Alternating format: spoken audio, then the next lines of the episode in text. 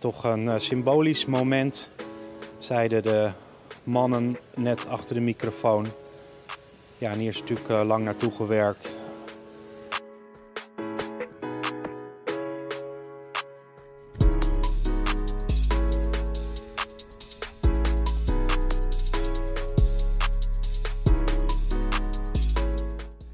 Goed, Wilco. Nou, het is voor het eerst eigenlijk op mijn kanaal dat ik überhaupt iemand uitnodig uh, om, uh, om eens met iemand anders samen over een onderwerp in gesprek te gaan. Uh, dus ja, ik ben heel blij dat je dat wilde doen. En misschien zou het leuk zijn als jij even voorstelt, zodat andere mensen ook weten wie jij bent.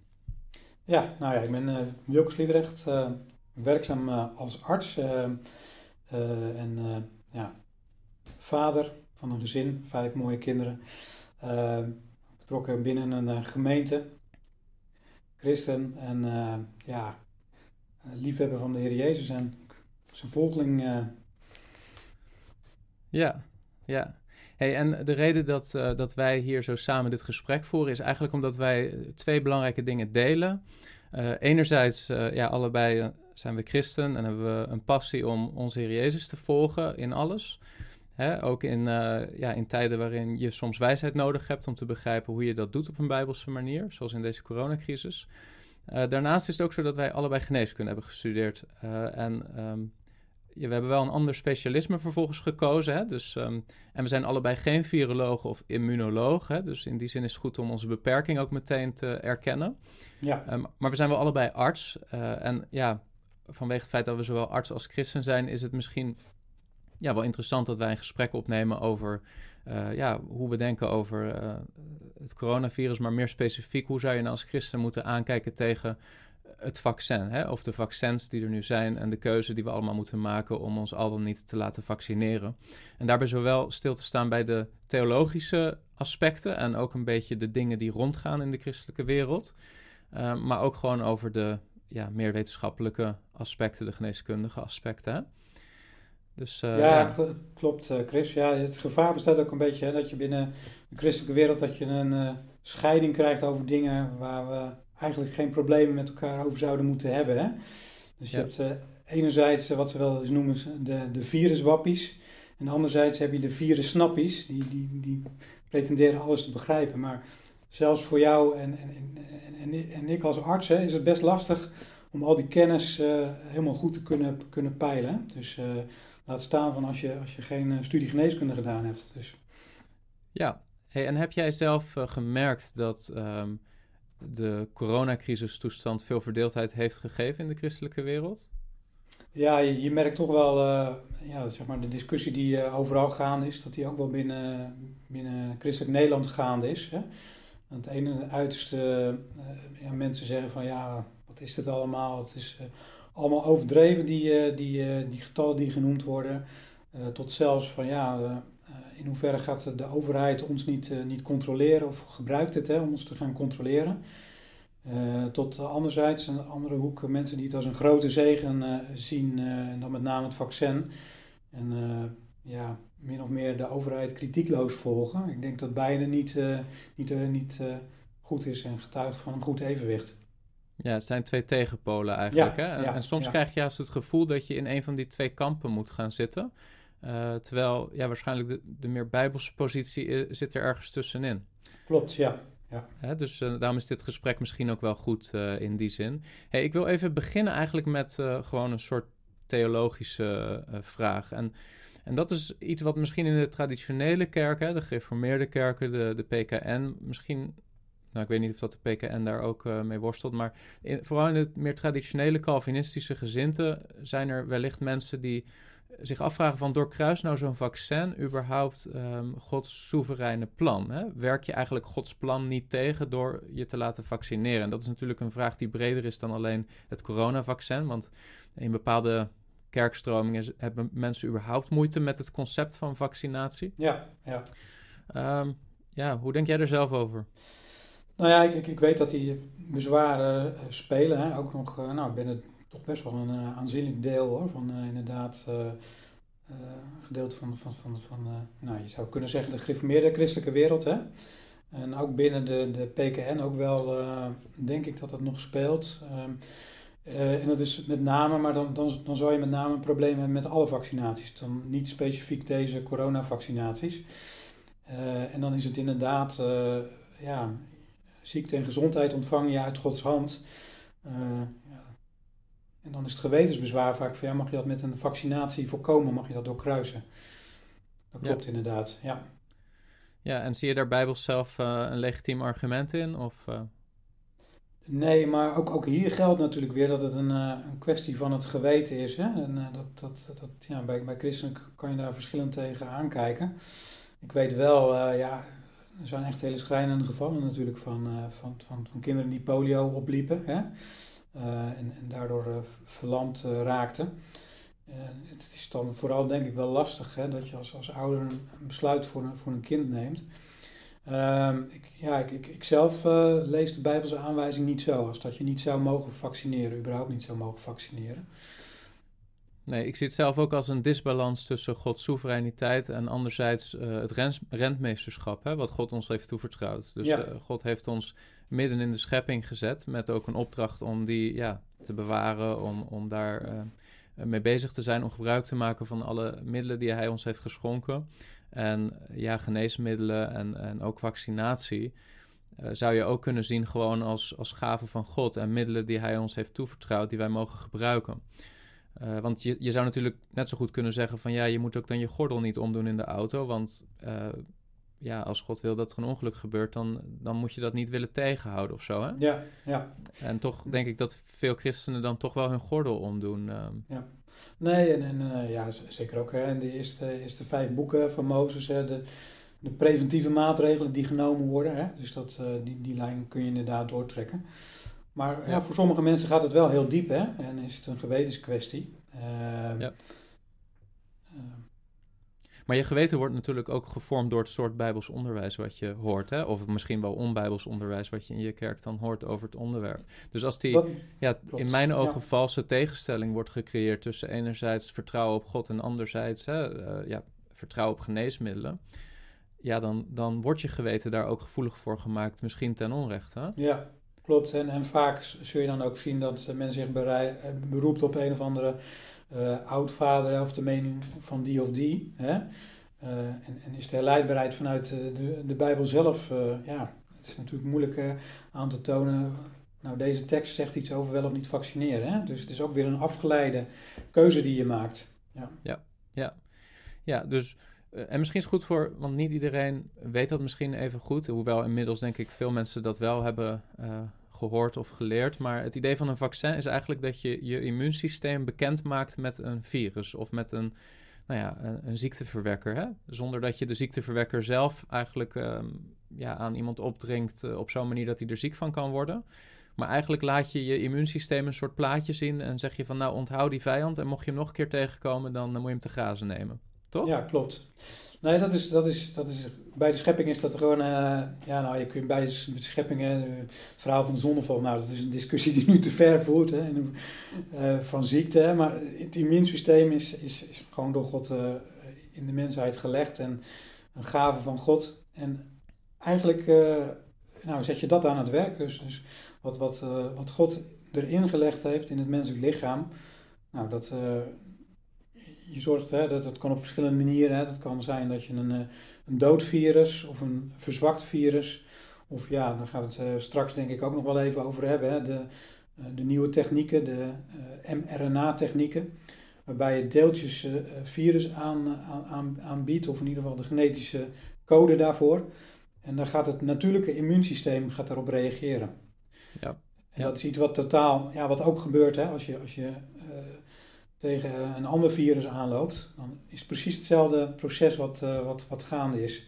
Dus je eigen immuunsysteem gaat uh, daar het gevecht tegenaan.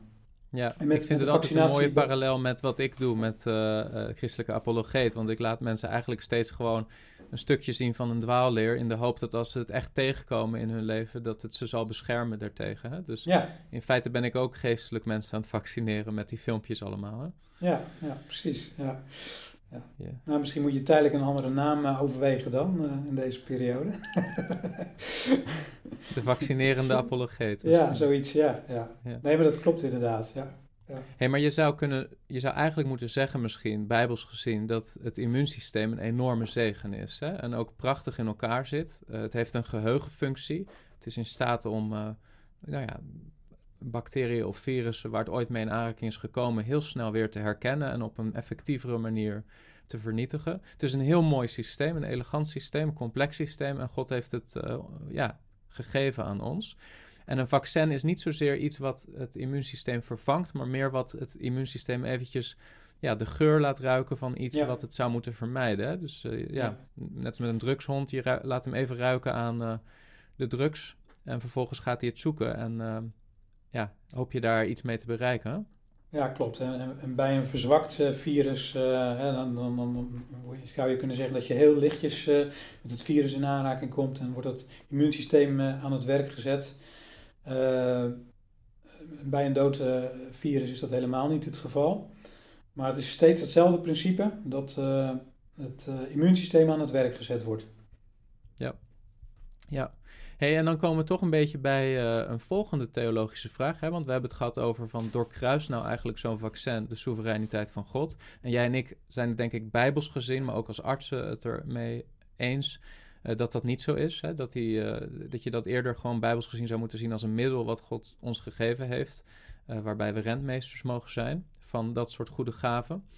Um, maar een gedachte die rondgaat in christelijk Nederland en vooral op internet en misschien ook een beetje op wat exotischere kanalen op YouTube, is de gedachte dat dit vaccin wel eens het merkteken van het beest zou kunnen zijn uit Openbaring hoofdstuk 13.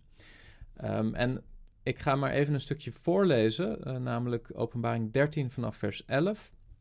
Daar staat: En ik zag een ander beest opkomen uit de aarde. En het had twee hoorns als die van het lam, maar het sprak als de draak. En het oefent al de macht van het eerste beest voor zijn ogen uit.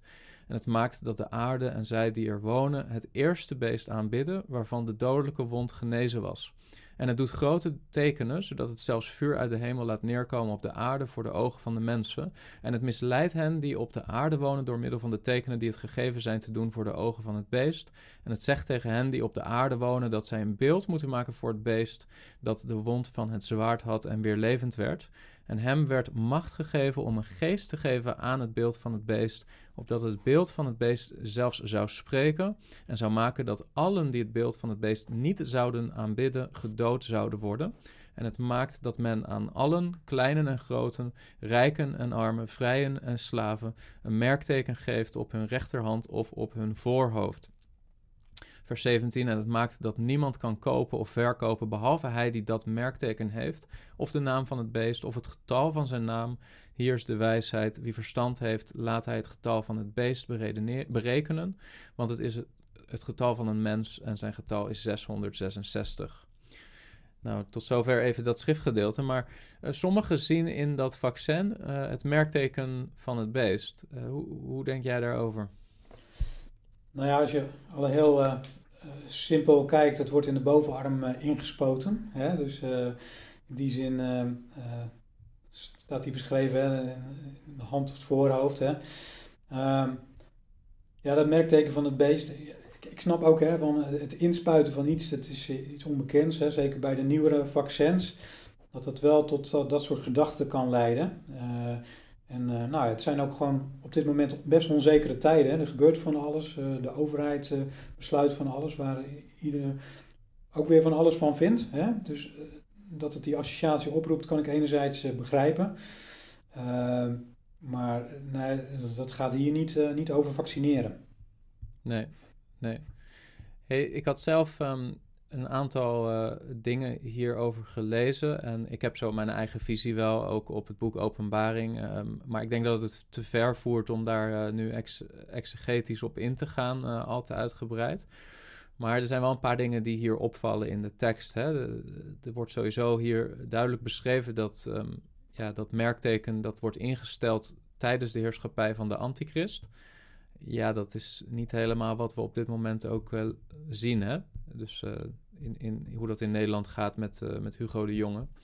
Die kun je moeilijk uh, de antichrist noemen, lijkt mij. En Mark ja, Rutte denk ik ook niet echt. Ja, en, en, en wat, wat, wat we moeten realiseren, hè, is dat de, de regering die er vandaag vier weken zit, of vier, vier, vier jaar zit, hè, die, die, die wordt over een paar maanden weer vervangen.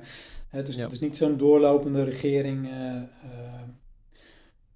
waarbij dit soort processen spelen. Dus Nee, dus dit is niet helemaal wat je ehm, verwacht hè? als je de tekst zo leest, zeg maar deze omstandigheden. En er wordt duidelijk aangegeven, het is onmogelijk om te kopen of te verkopen zonder het merkteken. Nou ja, dat, dat lijkt uh, niet aan de orde te zijn. Wat natuurlijk wel een zorg kan zijn van christenen is zo'n vaccinatiepaspoort. Hè? Dus als er een soort bewijs op enig moment zou worden vereist van het feit dat je gevaccineerd bent, dan kan het niet hebben van zo'n bewijs je natuurlijk behoorlijk ehm, buiten de samenleving zetten. Ja. En, en dat, is, dat heeft misschien wel raakvlakken met wat hier beschreven wordt. Hè? Ja. Dus dat, dat is wel begrijpelijk dat christenen daar uh, wat argwaan bij voelen. Ehm, maar ja, misschien ook toch eventjes de, de, de context hè, van de gemeente waaraan Johannes uh, het boek Openbaring richt in eerste instantie, dus uh, de gemeente in Klein-Azië, was natuurlijk die van het Romeinse Rijk. En in het Romeinse Rijk had je natuurlijk een, een keizer. En, en er was ook een hele keizercultus. Hè? De keizer werd in zekere zin ook aanbeden. En er werd ook wel verwacht van uh, mensen in de samenleving, inclusief ook wel van christenen, dat zij uh, een offer brachten aan de keizer. Uh, en als ze dat niet deden, dan werden ze ook wel in de praktijk buiten de samenleving um, gezet. En daarbij heb je ook wel voorbeelden van bepaalde ja, afgodscultussen, waarbij dat het feit dat je die afgod diende ook wel ehm, bewezen werd doordat je een tatoeage had hè, eh, op je lichaam en daarmee dat uh, communiceerde. Het was ook soms een teken dat je een slaaf was van iemand. Dus er zit eigenlijk allerlei symboliek ook in dat merkteken. Uh, maar, maar ik denk niet dat we onze huidige samenleving goed kunnen vergelijken met die Romeinse context waarin die gemeenten zeg maar, zich bevonden. Ja. Wat denk jij daarover? Nou, kijk, als je, als je kijkt naar de eerste eeuwen van, uh, van het christendom hè, en, en, de periode van vervolging, uh, dan kwam het er toch op neer van, ja, wie is je Heer? Hè? En uh, wie aanbidt je? En ja, dat zit, denk ik, waar de gevaren in onze tijd vandaan gaan komen, is toch op moreel-ethisch vlak, denk ik. En dan met name, ja, mag je nog wel vinden wat, wat God vindt en gezegd heeft in zijn woord, hè? Ja. dat ik denk dat dat een spannende discussie is, omdat die, ja, dat zijn natuurlijk wel tendensen die je ziet gebeuren. Hè? In hoeverre mag je de, de Bijbel nog, eh, nog serieus nemen, dat geloven?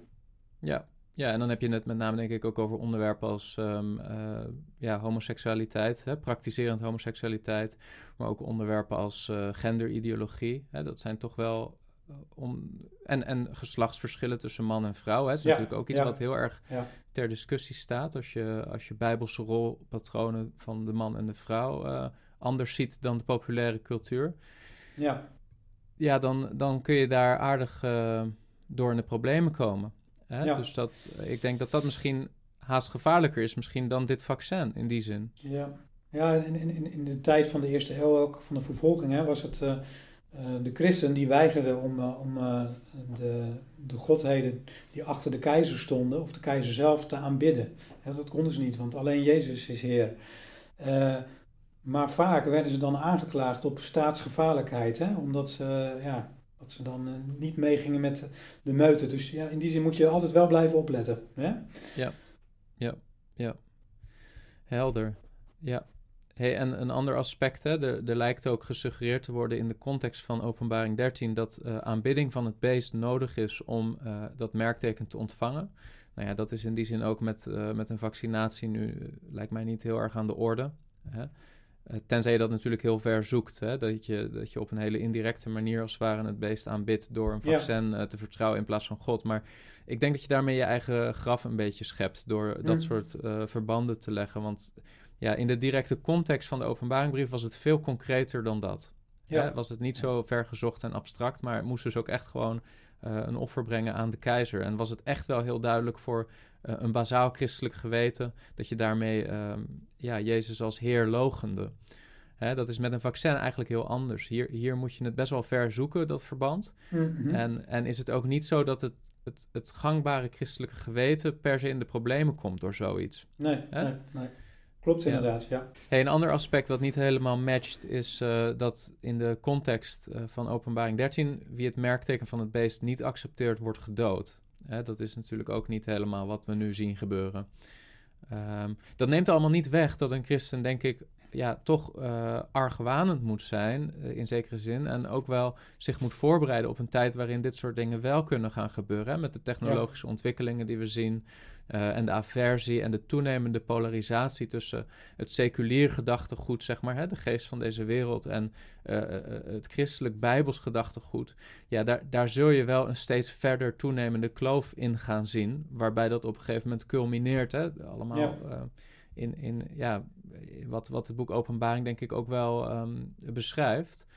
Um, afhankelijk ook van je eindtijdtheologie, hè? Ja, uh, je eschatologische ja. positie. Ja. Maar ik persoonlijk denk wel dat dat gebeurt. Dus ik snap best dat mijn broeders en zusters zich hier um, ja, zorgen om maken. Ik denk alleen dat we daar nog niet zijn. Nee, en dat, nee, uh, dat dit een verkeerde interpretatie is van de gebeurtenissen die we Ja. nu uh, zien. Maar, maar zelfs, zelfs in, de, in de tijd van de eerste christenen, en dat is eigenlijk een ander aspect, en dat maakt me wel, wel eens verdrietig hoor. De houding tegenover de overheid. Hè? Uh, Romeinen 13 bijvoorbeeld. Hè? Ehm, ja, ik denk wel, ja, er worden soms dingen geroepen over bewindslieden. Eh, echt echt, echt eh, dingen die niet heel netjes zijn. Ik denk van ja, daarin zouden we ons als christen, ook al ben je totaal niet met het beleid eens, wel moeten, moeten onderscheiden. Uh, als je het ja, Romeinen 13 leest, dat ligt er ook niet om. Hè? Wat God daar toch van ons vraagt. Nou, de moeite die er soms is met gezagsverhoudingen. Want ik, ik weet het zelf allemaal beter. Ehm, ja, dat is dus dat, het, het, het willen zijn als God. We, moeten als christen daar ook ontzettend mee oppassen. Hè? Dat, ehm, ja, sommige, sommige, kennis, ook, ook medische kennis, die is zo ingewikkeld. En uh, ja, als, je, als je mensen soms hoort praten met een bepaalde zekerheid dat ze weten hoe het zit. En zeggen van ja, ik heb, ik heb me ook ingelezen. uh, dan, dan, ja, ik moet er dan wel een beetje om lachen. Maar de stelligheid waarmee dan toch dingen beweerd worden. Uh, het is ook wel een beetje van deze tijd dat iedereen van alles wat moet weten of meent te weten. en dat in combinatie met ja, toch, toch je houding ten opzichte van de overheid, die toch hoe dan ook respectvol moet blijven. Ik, ik, weet niet hoe jij dat ziet hoor, maar. Nou ja, ik heb, ik heb in een eerdere video ook wel eens aangegeven van. Uh, in principe is Romeinen hoofdstuk 13 gewoon, denk ik, het principe waar we als christenen mee moeten leven. Hè? Dus in de basis ben je de, de, overheid gehoorzaam. Ja. Als op een gegeven moment de overheid haar grenzen overtreedt, hè, door uh, ja, van een christen dingen te vragen die echt ingaan tegen het bijbels-christelijk geweten, ja, dan zullen, we, uh, dan zullen we de Heer, zeg maar, boven de overheid moeten stellen en de overheid soms moet, uh, ongehoorzaam moeten zijn. Maar ik denk dat een basishouding van aversie tegen de overheid is niet, uh, hoort niet bij een christen. Nee, nee. Vind ik niet, uh, niet passend. Hè? We moeten ook een zoutend zout zijn en lichtend licht. We moeten in de samenleving, denk ik, ons beroep op een goede manier uitoefenen. Um, en, en op die manier ook gewoon midden in de samenleving staan. Maar op een manier die past bij ja, het discipel zijn van Christus. Ja. Ja. Hè, dus um, ja, dat, dat denk ik. Hey, misschien is het goed om, um, om door te gaan en het eventjes te hebben over um, ja, het wetenschappelijk stukje. Hè, want uh, er, er is nu een vaccin wat in Nederland wordt toegediend. Uh, in, in intramurale uh, zorg, hè, dus zorg in klinieken worden ook artsen en verplegend personeel worden gevaccineerd. Wij krijgen dat ook aangeboden als mogelijkheid nu. Ja. en ja, de, de, de, de vaccins die die nu het meest zeg maar, worden aangeboden uh, in Nederland, dat, dat is volgens mij Moderna. En volgens mij is Pfizer ook wel gewoon al um, uh, nu iets wat wordt toegediend in Nederland. Maar dat weet ik niet zeker. Is dat zo? Ja, klopt. Pfizer uh, BioNTech, hè, dat, dat was de eerste. Die, daar is inmiddels ja. al sinds december wordt daar druk mee gevaccineerd inderdaad. Dus, een messenger RNA-vaccin waarbij uh, een stukje genetische uh, code van, uh, van, van het virus in de, ja, wordt ingespoten. nou, dat komt dan in de cel terecht, waarop de cel nou, door die door God gegeven immuunreactie, die, die pakt dat op. en ja, wat, wat nieuw daarin is, is dat die stukjes van het coronavirus gaat namaken. Uh, de zogenaamde spijkeiwitten. Nou, op die cel wordt dat aan de buitenkant wordt dat aangeboden. En dan komt het immuunsysteem die denkt van hé, hey, hier is wat aan de hand, hier moet ik op reageren.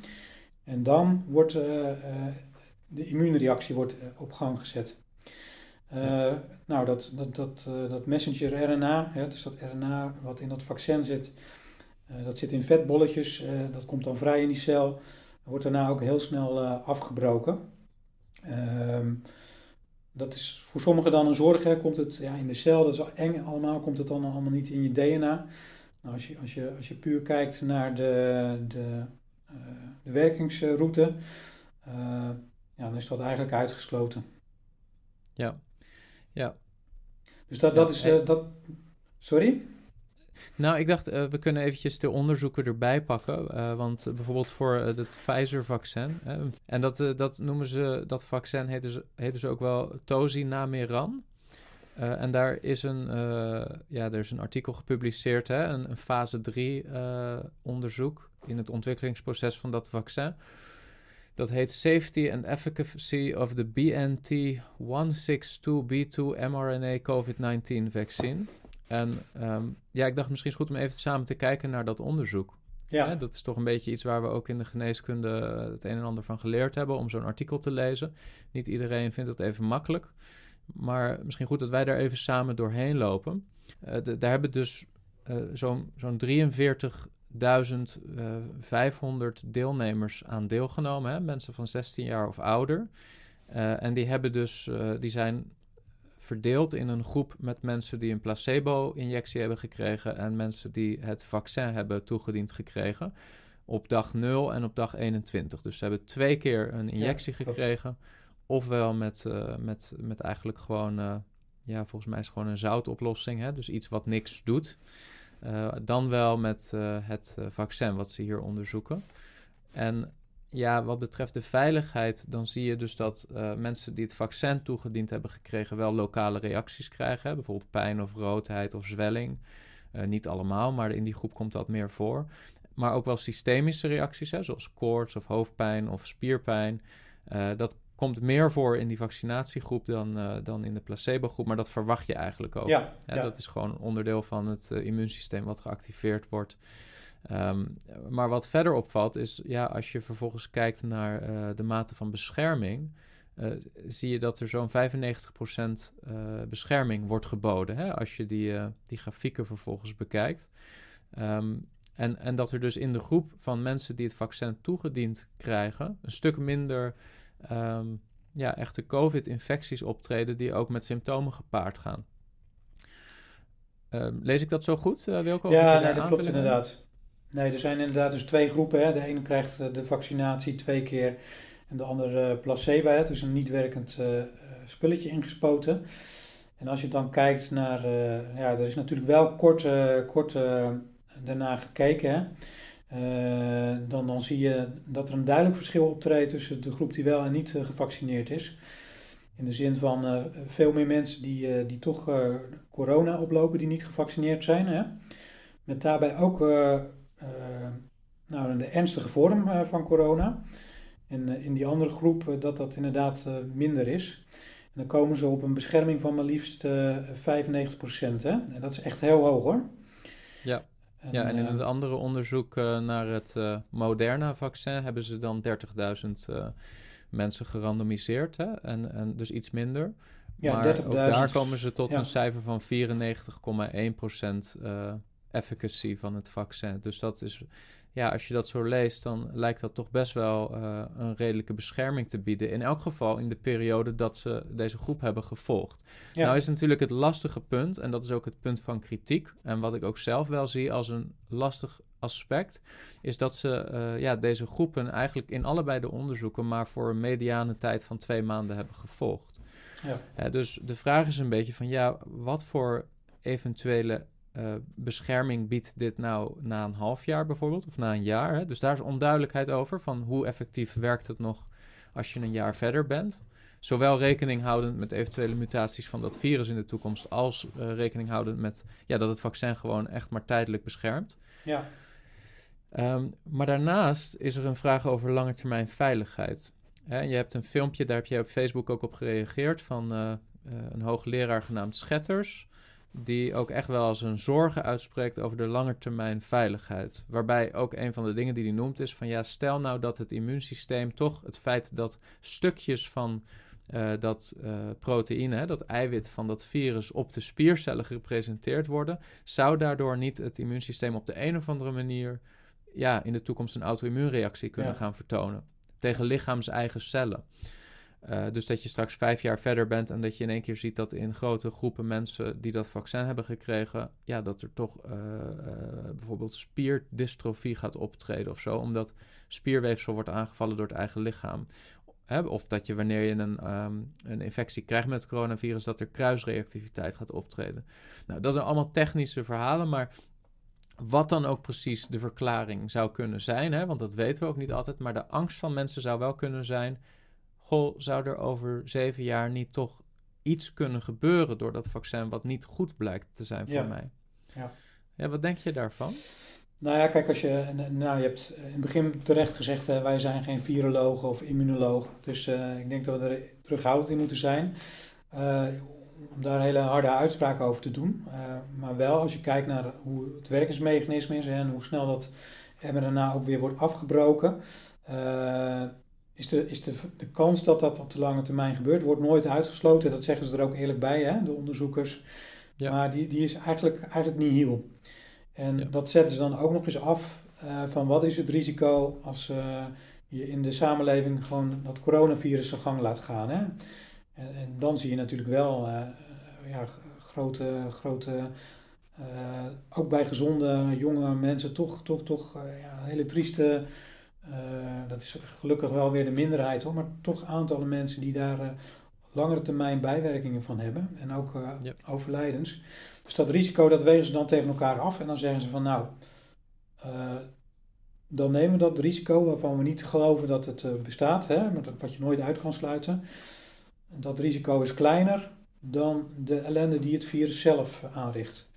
Ja, dus dat is een heel menselijke risicoafweging eigenlijk. Ja, klopt inderdaad. Ja. En dat, dat is eigenlijk niet een specifiek christelijke vraag. Hè, dus ieder mens uh, ja, moet daar zelf gewoon een beslissing in nemen hoe die die risico's ja. uh, tot elkaar vindt verhouden. Uh, en dat, dat, maar dit is ook iets wat gewoon eerlijk wordt toegegeven. Van we weten dat gewoon niet helemaal. En kijk, sommige mensen hebben denk ik een grenzeloos vertrouwen in de wetenschap. Hè, dat, dat, dat dat allemaal gewoon uitgesloten kan worden ja, dat lijkt mij ook extreem. Ik denk dat je daar gewoon ook eerlijk van moet uh, accepteren. Van ja, er kan best iets gebeuren over zeven jaar. Hè, dat er toch blijkt dat er wat meer schadelijke effecten zijn. Ja, ja. Maar ja, daar heeft iedereen op dit moment mee te maken. En ja. um, ik denk dat dat gewoon eerlijk wordt toegegeven. Dat hoef je niet te zien als een soort maligne complot, zeg maar, om de hele populatie om zeep te helpen. Nee, nee dat klopt. En, en wat, wat natuurlijk ook zo is, hè, van, uh, ja, dit, kijk, die, uh, die, die fabrikanten van die vaccins, die, nou, zeker die nu als eerste zijn, die verdienen daar natuurlijk heel veel geld aan. Ze hebben er ook heel veel geld in gestopt hè, in, het, in het onderzoek. En het is natuurlijk al uh, onderzoek uh, wat uh, voortborduurt op eerder onderzoek wat ook met die mRNA-vaccins is gedaan. Wat overigens ook op andere gebieden, bijvoorbeeld sommige kankersoorten, wordt het ook al gebruikt. Dus dat, de techniek is in die zin ook niet helemaal nieuw. Maar er zijn heel veel spelers op de, op de vaccinmarkt. Hè, en dan moeten ze dat geld allemaal met elkaar verdelen. Dus de angst dat er dan één grote uh, uh, fabrikant wordt die dan een grote macht hebben wordt. Ja, er worden, worden echt tientallen vaccins worden onderzocht op dit moment. En ja, ja de, de reactie van, van Pfizer stelde me in die zin ook wel weer gerust. van ja, wij waren de eerste, maar ik vind het eigenlijk lastig om er blij mee te zijn. Daar gaat het niet om. En ja, ja, dat was, ja. Nog even aanvullend over die bijwerkingen. Uh, kwamen natuurlijk pas geleden verontrustende berichten uit Noorwegen over kwetsbare ouderen die uh, overleden zijn na de vaccinatie. Nou bleek daar gelukkig geen direct verband met de vaccinatie uh, te zijn. Ik wil je ook nog wijzen op wat er momenteel in Israël gebeurt. Ze hebben heel slim massaal ingekocht. Er wordt ook massaal gevaccineerd, inmiddels meer dan 2 miljoen Israëli's. En ja, dat zouden ze natuurlijk nooit doen als daar op korte of langere termijn ernstige bijwerkingen te verwachten waren. Dat zou hen heel kwetsbaar maken in die regio.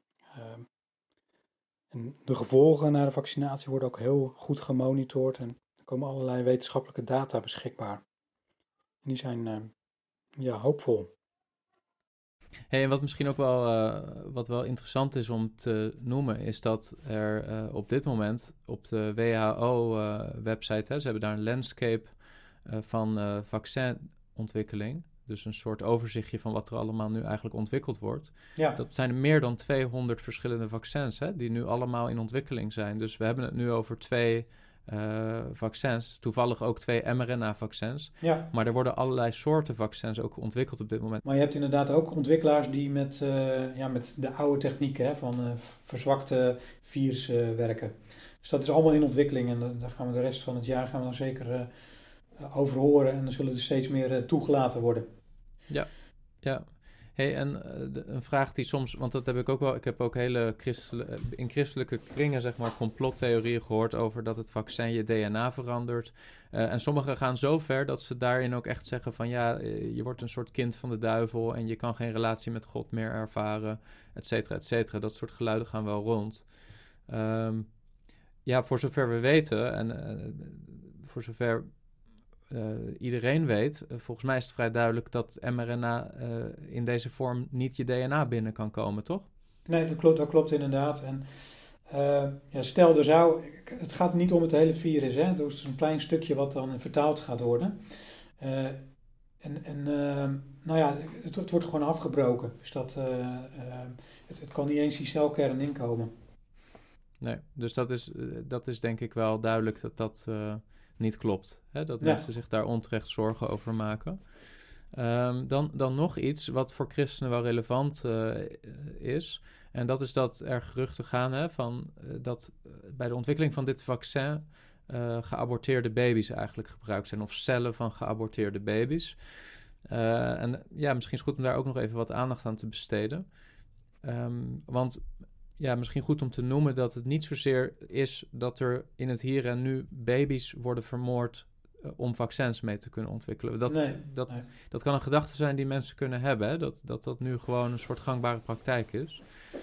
Uh, ja, dat is niet zo. Dat, dat wordt door sommigen ook wel beweerd, hè? Uh, nee, dat is volgens mij in de jaren zeventig is er inderdaad wel gebruik gemaakt van, van, van, van een, een baby. Door, en dat, dat, dat abortusverhaal is wel waar, hè? Ja. Ja, dus dat... Ja, er is één cellijn, heb ik begrepen. dat, dat is de HEK 293 cellijn. Hè, de HEK, dat staat dan voor Human Embryonic Kidney. Ja. Um, en dat is, ja, dat is een, een soort cellijn die afkomstig is vanuit niercellen van een embryo. En het is niet helemaal duidelijk wat de oorspronkelijke, hè, wat het kindje is geweest, waar die cellijn uitgekweekt is. Is overigens in Leiden uh, gekweekt, hè, dus aan de Universiteit van Leiden. Um, maar ja, dat, dat, dat, dat is dus een cellijn die nu nog steeds wordt gebruikt in het um, ja, testen van uh, bijvoorbeeld vaccins. En bij sommige vaccins ook wel in het, um, in het productieproces. Um, maar dat is dus dat is een kindje waarvan sowieso duidelijk is dat dat niet is geaborteerd met als doel om dat ermee te gaan doen. Nee, nee precies. Er wordt, er wordt wel bij gezegd door medische redenen. Hè? Ja, dat, uh, dan weet je natuurlijk niet wat dat precies is. ja, je kan, je kan aannemen dat er iets met, met de moeder was, hè, waardoor ja, de zwangerschap het zij een gevaar voor moeder was of het was ook in die periode uh, van, van de rode hond, volgens mij. Want in Amerika eh, loopt ook zoiets. Hè? Jij noemt nu Leiden. Uh, wat, wat, wat ja, er zijn verschillende cellijnen hoor. en verschillende kindjes uh, die, ja, die zijn overleden. Do sommige door abortus, voor zover ik weet. Maar het, het, gaat niet om, om honderden embryo's. Hè? Het gaat echt om nee een stuk of vijf cellijnen die echt veel gebruikt worden, al, al 50 jaar. Ja. Voor het ontwikkelen van bijvoorbeeld vaccins, maar ook voor volgens mij het testen van uh, veiligheid van geneesmiddelen. Uh, dus dat, uh, dat, dat is in die zin vooral een soort cellijn die, die dan maar doorgekweekt wordt. Ja, dat, dat, dat gaat inderdaad, ja, dat is eigenlijk niet meer terug te herleiden door de, tot dat ene kindje van toen. Hè? Dus dat, ja. ja. ja. Maar de lastige ethische vraag is wel, hè, van kan je, ja, als christen, jij en ik zijn allebei als christen bijbels gezien, uh, denk ik, fel tegen abortus. Mm -hmm. uh, hè, daar vinden we elkaar wel. dus dus dat, dat, dat willen we niet goed praten. De vraag is nu alleen van wetende dat die cellijnen daarvan afkomstig zijn. Hè, laten we daar even van uitgaan dat het een electieve abortus is geweest. Ja. Ehm, moet je dan als christen zeggen, nou, alles wat er vervolgens met die cellijnen gebeurt, of wat ervan geleerd wordt, of de kennis die daarmee wordt opgebouwd, die moet ik ook afwijzen omdat ik als christen tegen abortus ben? Ja. Dat is een lastig nou ja, ethisch dus, vraagstuk. zeker, ja, ja. En ook daar heb je natuurlijk weer uh, het geweten van, uh, van een ieder. Hè? Dus dat, uh, dat kun je voor een ander ook niet invullen. Ehm, ja, er, er, riep pas iemand, uh, ook een arts, uh, van ja, hier uh, door, door, door dit kindje zijn ook weer duizend miljoenen le levens gered, hè? Dat is de andere kant van het verhaal. Ja, ehm, ja. ja lastige kwestie. Ik, ik, ja, ik, vind, ik vind zelf dat het dus ver afstaat van, van wat toen gebeurd is. Ehm, dat ik daar zelf persoonlijk uh, geen moeite mee heb. Ook ja, het, verhaal is wel onduidelijk hè, van wat was nou de aanleiding toen. Ja.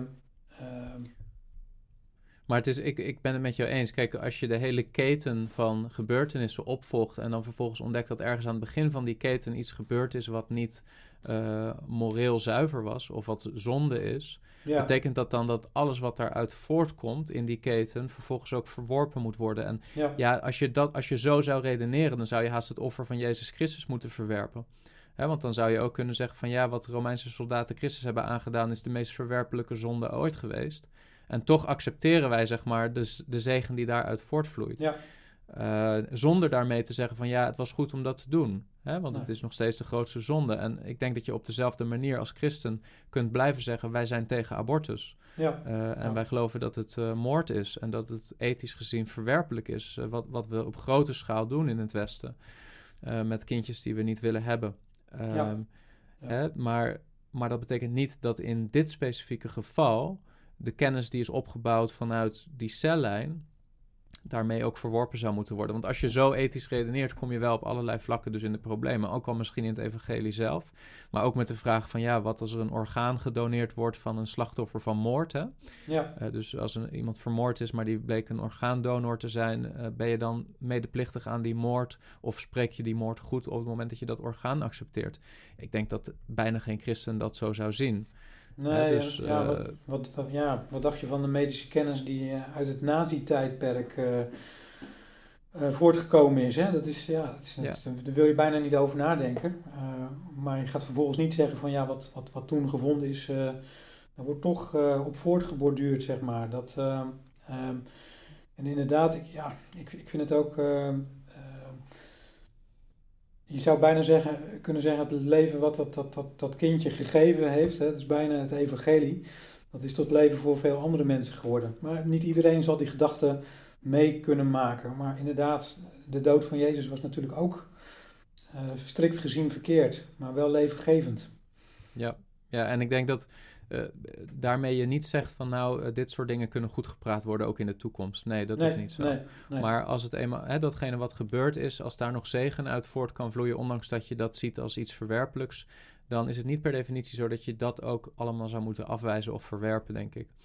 Nee. Uh, hè, God is in staat om uit ook gewoon hele donkere, zondige dingen iets goeds voort te, te brengen. En ja, ik denk dat je dat wel ziet in de schrift. Um, nog tot slot, en dat is wel denk ik een heel belangrijk aspect voor veel mensen die hier ook naar luisteren. Uh, het geweten. Hè? Want uh, ja, ik weet niet, jij hebt misschien uh, vrede voor jezelf ermee om dat vaccin te accepteren als een gave van God. Hè? Maar er zijn ook christenen die rondlopen met de gedachte van ja, als ik dit vaccin accepteer, dan sluit ik serieuze compromissen met mijn God en met mijn geloof en met de zonde eigenlijk. Um, dus sommige mensen zijn in hun geweten ervan overtuigd dat dit zonde is, het vaccin accepteren. Nou, jij en ik zijn het daar kennelijk denk ik niet over eens. Hè? Wij zien geen bijbelse gronden om het zo te zien. Um, maar als een christen dat nou wel zo ziet, hoe, ja, hoe zou die ermee om moeten gaan? Ja, dat, dat kan inderdaad heel verschillend zijn. En uh, ja, je, zou als christen natuurlijk nooit iets tegen je geweten uh, moeten doen. Hè? Als je daarin echt uh, ervan overtuigd bent dat je daarin God ongehoorzaam bent. Hè?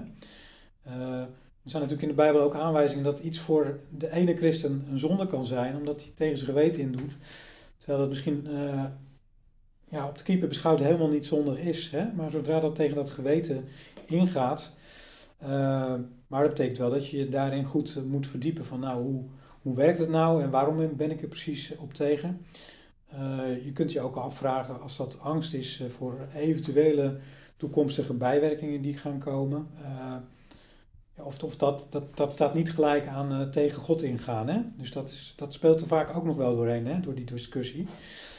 Uh, gewetenskwestie kan juist ook zijn, hè, want uh, wat, wat we willen is, want we zien natuurlijk dat door het, uh, door het virus met name kwetsbaren en ouderen ja, echt massaal overlijden. en het idee van het vaccineren is eigenlijk de solidariteit als samenleving om die kwetsbaren te beschermen. Dus je doet ook wat als je, als je het vaccin vervolgens niet neemt. Hè? Dus ja, dat is, dus je, kan, je, je kan er twee kanten natuurlijk op, uh, op redeneren. Hè? Ja, zeker. Ja, ja. Ik denk dat we daarmee, hè, want uh, daarmee verwijzen we ook naar Romein hoofdstuk 14. Hè, en uh, Paulus maakt het daar duidelijk ja, dat als je twijfelt wanneer je eet, hè, dan de context is: moet je wel of geen vlees eten of moet je alleen plantaardig voedsel eten? Ja, sommige mensen ervaren kennelijk vlees eten in die tijd als een zonde. Ja. Mogelijk gaat het daar ook om vlees wat aan afgoden geofferd is. Klopt, ja. Hè, wat natuurlijk in de eerste gemeente een groot vraagstuk was.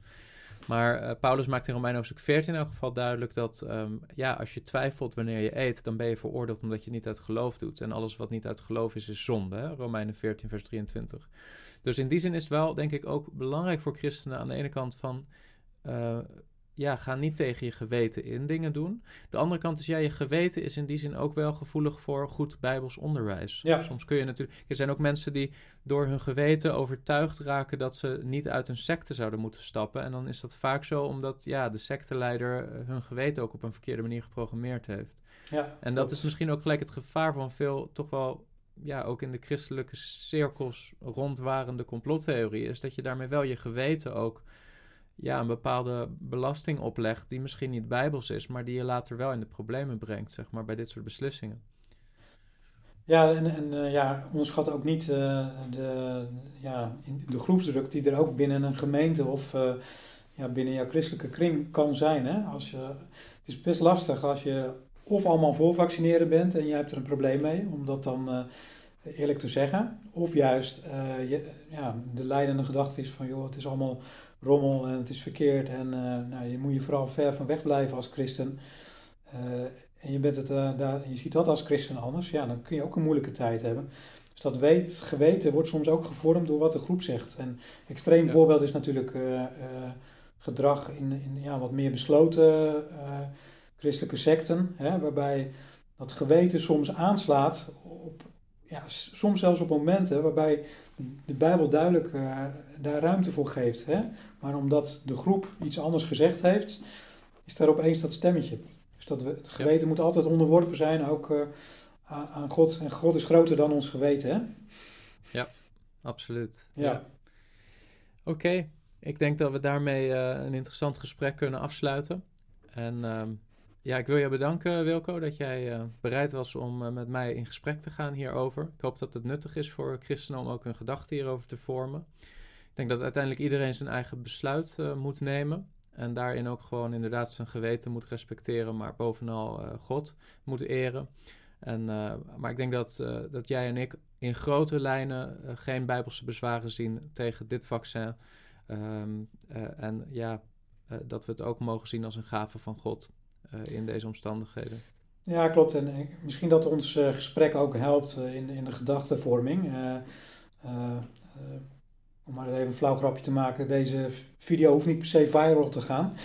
Maar het is wel goed als mensen ja, toch, toch vanuit ons als artsen ja, wat horen hoe wij erover denken en over gesproken hebben. Dus bedankt ook voor de uitnodiging, Chris.